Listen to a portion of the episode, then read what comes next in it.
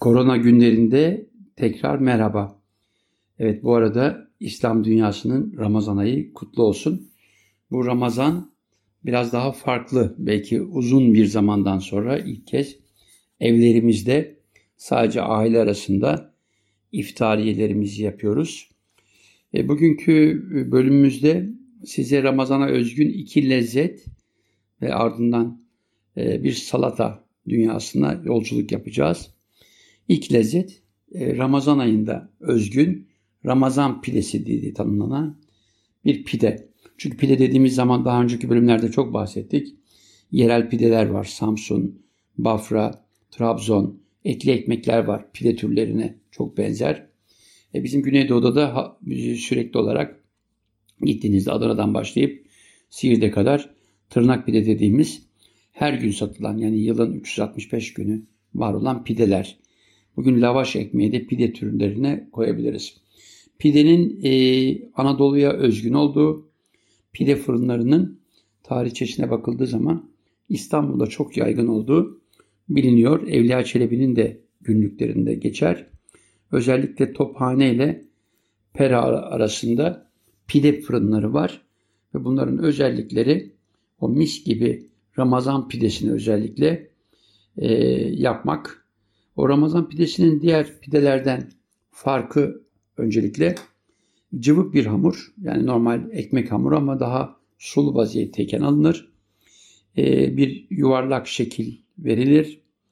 O yuvarlak içine bir tırnakla, tertemiz tırnaklarla, e, kesilmiş tırnaklarla, bugünkü dönemde eldivenlerle bir e, daire yapılır. Artı baklava dilimleri oluşturulur pide içinde. Üzerine ardından e, bir güzel yumurta sarısı sürülür ve onu çörek otuyla e, susamla süsleme dönemi başlar. E, pidenin o fırın içindeki şişmesi hakikaten inanılmaz bir iştah kabartıran sahnedir. E, hele o eve git, giderken pideyi yanında taşıyan kişinin yolda bir parça koparması ve iftar sofrasında o pidenin baklava dilimlerinden birinin alınıp içine tereyağı ve kuş gemi pastırmayla lezzet katılması muhteşemdir. Tabii ki o pastırmayı alım gücüne sahipseniz çünkü bugün artık taneyle satıldığını bile öğrenmiş bulunuyoruz. Kayseri'de sanırım 2-3 liraya bir dilim pastırmayı satıyorlar. Kuş gömü biraz pahalı. Yağlı bölümleri biraz daha ucuz. Evet, pidenin tarihçesi dediğim gibi Evliya Çelebi bahsettiğine göre Osmanlı'nın İstanbul'u başkenti yapmasıyla başlayan özellikle Ermeni fırın ustalarının ortaya koyduğu bir tür ekmek. Ee, bir Ramazan lezzeti. E, tabii ki az önce bahsettiğim üzerinin yumurta sarısıyla e, kaplanması dışında ucuz pideler bugün fiyatlarını e, 1,5-2 lira değil de 3,5-4 liraya kadar çıkartan pidelerde e, bir başka e, şekilde şifa adı, adı verilen yumurta yerine unlu su ile sıvanması sanırım bu parlamasını sağlıyor pidenin pişme sırasında. Sonuçta hamur mayalı bir hamur. Tabii ki maya konusunu ileriki bölümlerde belki ele alırız ama ekşi mayalı olması. E, maya sonuçta biliyorsunuz bir e, bakteri. Şekeri e, çok seven bir bakteri. E, Pasteur'ün mikroskobuyla ilk keşfettiği bir mikroorganizma. Şekeri tattığında, buluştuğunda şekerle direkt olarak karbondioksit üretmesi, ortaya şıra çıkarması, işte bizim o ekmeğimizin kabarık, güzel, lezzetli olmasını sağlıyor.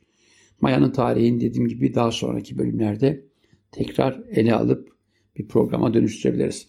Evet, pidelerimiz şu anda e, erken saatlerde fırınlarda hazırlanıp yine erken saatlerde dağıtılıyor veya satılıyor. Çünkü o sıcak pideye e, yönelik bir izdiham e, malum bu korona günlerinde e, pandeminin daha süratli yayılmasına yol açar endişesi yarattığı için şu anda yasaklı günlerde bile pide satışlarını ancak yanı başımızdaki fırınlardan ya yürüme mesafesindeyse direkt biz alıyoruz ya da bunu dağıtan bir takım organizasyonlar. Tabii ki organizasyonların bazıları da eğer büyükşehir belediyeleri e, iktidar partisi yanlışı değilse biraz engellemelerle devam ediyor. Evet konumuz pideydi. Onun yapılış tarzını öğrendik. Bugünlerde çok farklı pide türleri evlerde nasıl yapılır tarifleriyle dolu hem e, telefonlarımızdaki programlarda hem televizyon programlarında yani hem telefonlarımızdaki e, farklı e, YouTube olsun, Facebook olsun oralarda bu tarifleri görebiliyoruz. Artı e, bazı gazeteci arkadaşlarımız tarifleri bizzat kendileri yapıp nasıl başardıklarını fırına gitmeye ihtiyacı duymadan nasıl evlerinde muhteşem pideler yaptıklarını anlatıyorlar. Tarif dediğim gibi normal bir ekmek mayalanmış, dinlendirilmiş, daha cıvık, daha sulu bir hamur. O temiz bir platform üzerinde yine temiz ellerle e, önce yuvarlak hale getiriliyor. Ardından bir ikinci yuvarlak içine oluşturuluyor.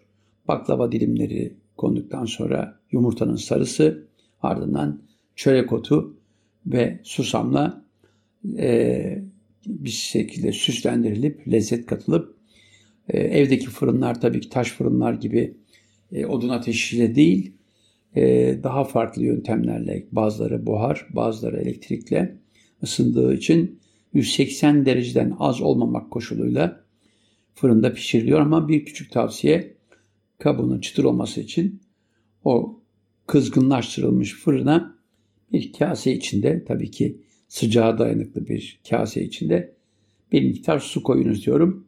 O bir şekilde buharla pidenin dış çeperinin daha çıtır, daha lezzetli olmasını sağlar. Bu benim tavsiyem. Evet, Ramazan'ın özgün lezzetlerinden biri de e, güllaç. Şimdi güllaç dendiğinde akla içinde gül var mı yok mu? Tabii ki gül suyu var. Olmazsa olmaz ama herkes gül suyundan o kadar mutlu olmuyor. E, buğday nişastası biraz Çinlilerin e, pirinç nişastasından yapmış oldukları dimsunların e, hamuru gibi bir hamur ama buğday nişastasından yapılıyor.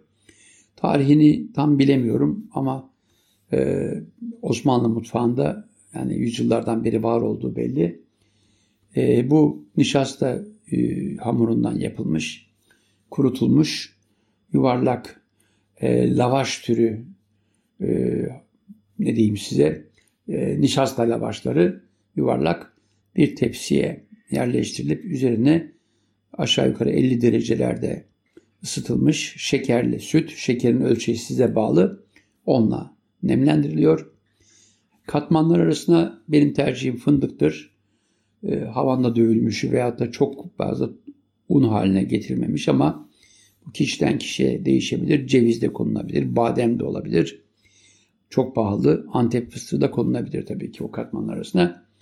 2 veya 3 katman arasına o ceviz, fındık, Antep fıstığı veya badem tozları veya parçacıkları konur. Yine süt ilave edilir, yumuşatılır. E, katman katman aşağı yukarı baklavada olduğu gibi 40 kattan bahsetmiyorum ama 8-10 kat sütle ıslatılmış, bol e, tatlı sütle ıslatılmış o e, nişasta e, par şeylerin üzerine, e, lavaşlarının üzerine bu süt konur. Ardından süsleme aşaması vardır.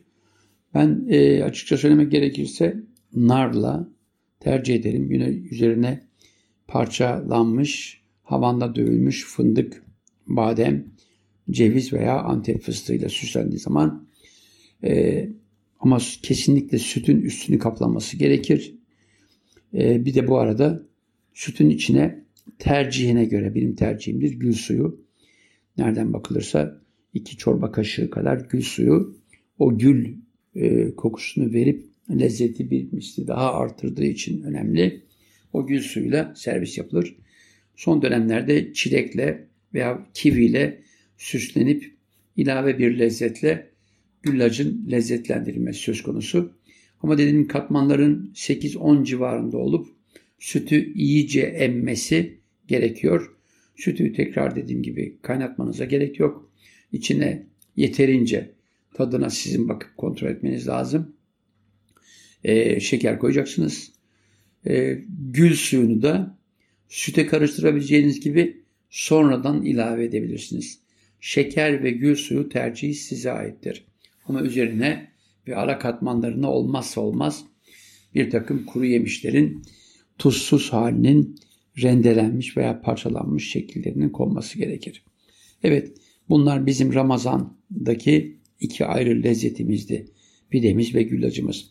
E bu arada e, bugünlerde işte bahar geçişindeyiz.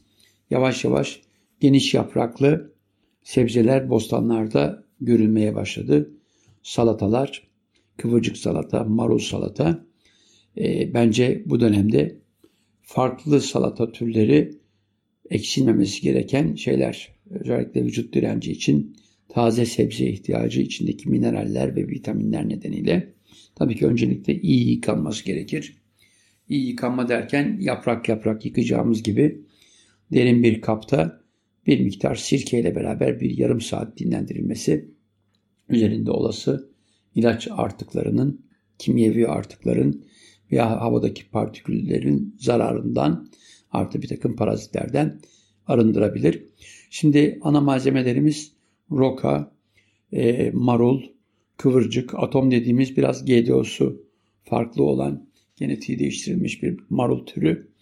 Kimin tarafından nasıl ne zaman yapıldı bilmiyorum ama sonuçta bir marul. E, Avrupa'ya gittiğimiz zaman farklı marul türleriyle de karşılaşabiliyoruz. Onların iyi, güzel doğranması, çok fazla doğranmasına da gerek yok. Geniş yapraklı olması, vitamin değeri, içindeki minerallerin bulunduğu damarların kopup, kopup suyun gitmemesi için daha iyi. Yani çok doğranmış sebze yaprakları bence e, çok şey kaybediyor demektir. Maydanoz dahil olmak üzere. Evet maydanoz, nane, roka bunlar olmazsa olmazlar ama e, bunlarla yapılacak e, salatanın içine e, havuç, turp gibi yan kök bitkileri ayrı bir lezzet katar. E, bu salatanın tadlandırılmasına gelince hakiki gerçek zeytinyağı çünkü ne yazık ki sıvı yağlarla yapılan salataları sürerler önümüze restoranlarda. Daha başında bir katliam vardır. Hele bir de güneş görmüş, hele bir de güneş görmüş. Sıvı yağlarsa vay halimize. Malum zeytinyağı da güneşe bırakılmaz ama o sıvı yağlar e, farklı ürünlerden elde edilmiş. Özellikle ithal çekirdeklerden ithal edilmiş e, ithal çekirdeler ithal çekirdeklerden imal edilmiş. E, içinde birleştirici kimyasal madde olduğu varsayılan o sıvı yağlar aman dikkat diyorum yine kaynağını bildiğimiz zeytinyağı. Evet e, doğranmış yapraklarımızı aldık. İçine turpla havuçla destek yaptık. Bu dönem domates meyvesi için domates, bu dönem domates için pek uygun sezon değil ama e, derseniz ki ben bostanda buldum iyiydi veyahut da tercihen e, klasik kışın doğal olmayan koşullarda yetiştirilen domates umurumda değil önemli olan lezzet önemli derseniz tabii ki domatesi de ekleyebilirsiniz. Soğan olmazsa olmazı salatalığın ama farklı soğan türleri var. Kırmızı soğan çoğunlukla roka salatalarına çok güzel gider. Beyaz soğan veya işte biraz daha yumurtaya benzeyen soğan türleri var. Onlar içindeki e, minerallerin biraz daha yoğunluğundan ötürü salataya konmadan önce biraz sıcak sudan geçirilmesi tavsiye edilir. Yuka, yuvarlak yuvarlak e, kesilmesi halinde. Çünkü e, ağır bir tat verebilir salataya. Tabii ki soğansız. E, bazı salatalarda sarımsak çok önemli. Özellikle e, pattuş diye tanımlanan Lübnan'ın yapmış olduğu, Lübnanlıların yapmış olduğu e, yine bol maydanozlu e, bir salata türünde e, biz nane ile beraber ekmek, e, kurutulmuş ekmek, lavaş ekmek parçalarıyla beraber görebiliyoruz. E, limon olmazsa olması ama dersiniz ki ben limon yerine balzamik sirke de koymak isterim. Veyahut da sumak ekşisi koymak isterim. Bütün bunlar veya nar ekşisi bunlar salatayı farklı şekillerde lezzetlendirilir. Bazıları bir arada koymayı düşünür ama ben limonsa limon, sirkesiz sirke, çok uzun sürede oluşmuş, olgunlaşmış sirke olarak, olarak tanımlanan balzamik dahil olmak üzere hepsini ayrı ayrı yapmayı tercih ederim. Dönem olarak nar var. Narın hem suyu hem tanesi salatalarda yanına konacak cevizle veyahut da çam fıstığıyla veyahut da böyle güzel kavrulmuş yer fıstığıyla ayrı bir lezzet katar. Bu arada unutmayalım ayçiçeğinin çekirdeği ve kabak çekirdeğinin e, kabak çekirdeğinin içi de hani ayçiçeği çekirdeğiyle e, kabak çekirdeğinin içi de salatalara ayrı bir güzellik koyar. Salatalara tabii ki ilave edilen yan takviyeler de takviye e, lezzetler de söz konusu. Örneğin haşlanmış yumurtayı çok rahatlıkla bahsettiğimiz salatalara koyabilirsiniz. Çekirdeği çıkarılmışını tercih ederim. Zeytin çünkü o çekirdek yanlışlıkla salatayla beraber yendiğinde diş kazalarına yol açabilir. Aman dikkat. E, kapari bizde gebere diye tanımlanır. E, salamurası çok güzeldir. Biraz pahalıdır. Biz değerini yıllar sonra öğrendik ama kapari, e, turşular küçük küçük doğranıp konulabilir. Dediğim gibi nar güzel ağızda bırakılacak bir lezzet için önemli. Bu bir başka salata türü. Tabii ki geniş yapraklıların dışında e, sadece bu döneme özgün kırmızı lahana e, veyahut da kereviz bunlar da iyi rendelenerek küçük küçük doğranarak e, çok güzel salatalar yapılabilir. Yine ağırlıklı zeytinyağı, sirke veya yerine limon veya farklı baharatlar. E, özellikle kerevizi e, sarımsaklı yoğurtla biraz da baharat katkısıyla çok müthiş bir e, salataya dönüştürebiliriz. Tabii ki biraz yoğurdun içinde fermante olması gerekir salatanın. Çünkü gerek lahana, gerek kereviz, hatta turp, e, şalgam, bütün bunlar salatalar yapıyor. Şalgam biraz daha yumuşak olduğu için sorun çıkarmaz ama kerevizde, lahanada bir süre beklemesi o zeytinyağı, limon suyu veya sirke içinde bir süre beklemesi yumuşamasına, fermante olup daha rahat, daha güzel lezzetle karşımıza çıkmasına yol açabilir. Her üç salataya bahsetmiş oldum. Sarımsak ve soğan takviyesi gider. Üstlerine de ceviz, hele biraz kavurursanız böyle çıtır çıtır muhteşem olur. Evet, bugün Ramazan'a istinaden iki Ramazan lezzeti pide ve güllaç ardından hafif ve bu dönemin sebzeleriyle yapılan salatalardan bahsettim. Salata konusu defalarca gündeme geldi ve gelecek. Çünkü salatası bir yaşam veya bir mutfak düşünemiyorum. Hepinize afiyet olsun diyorum. E, görüşmek üzere. Sağlıcakla kalınız.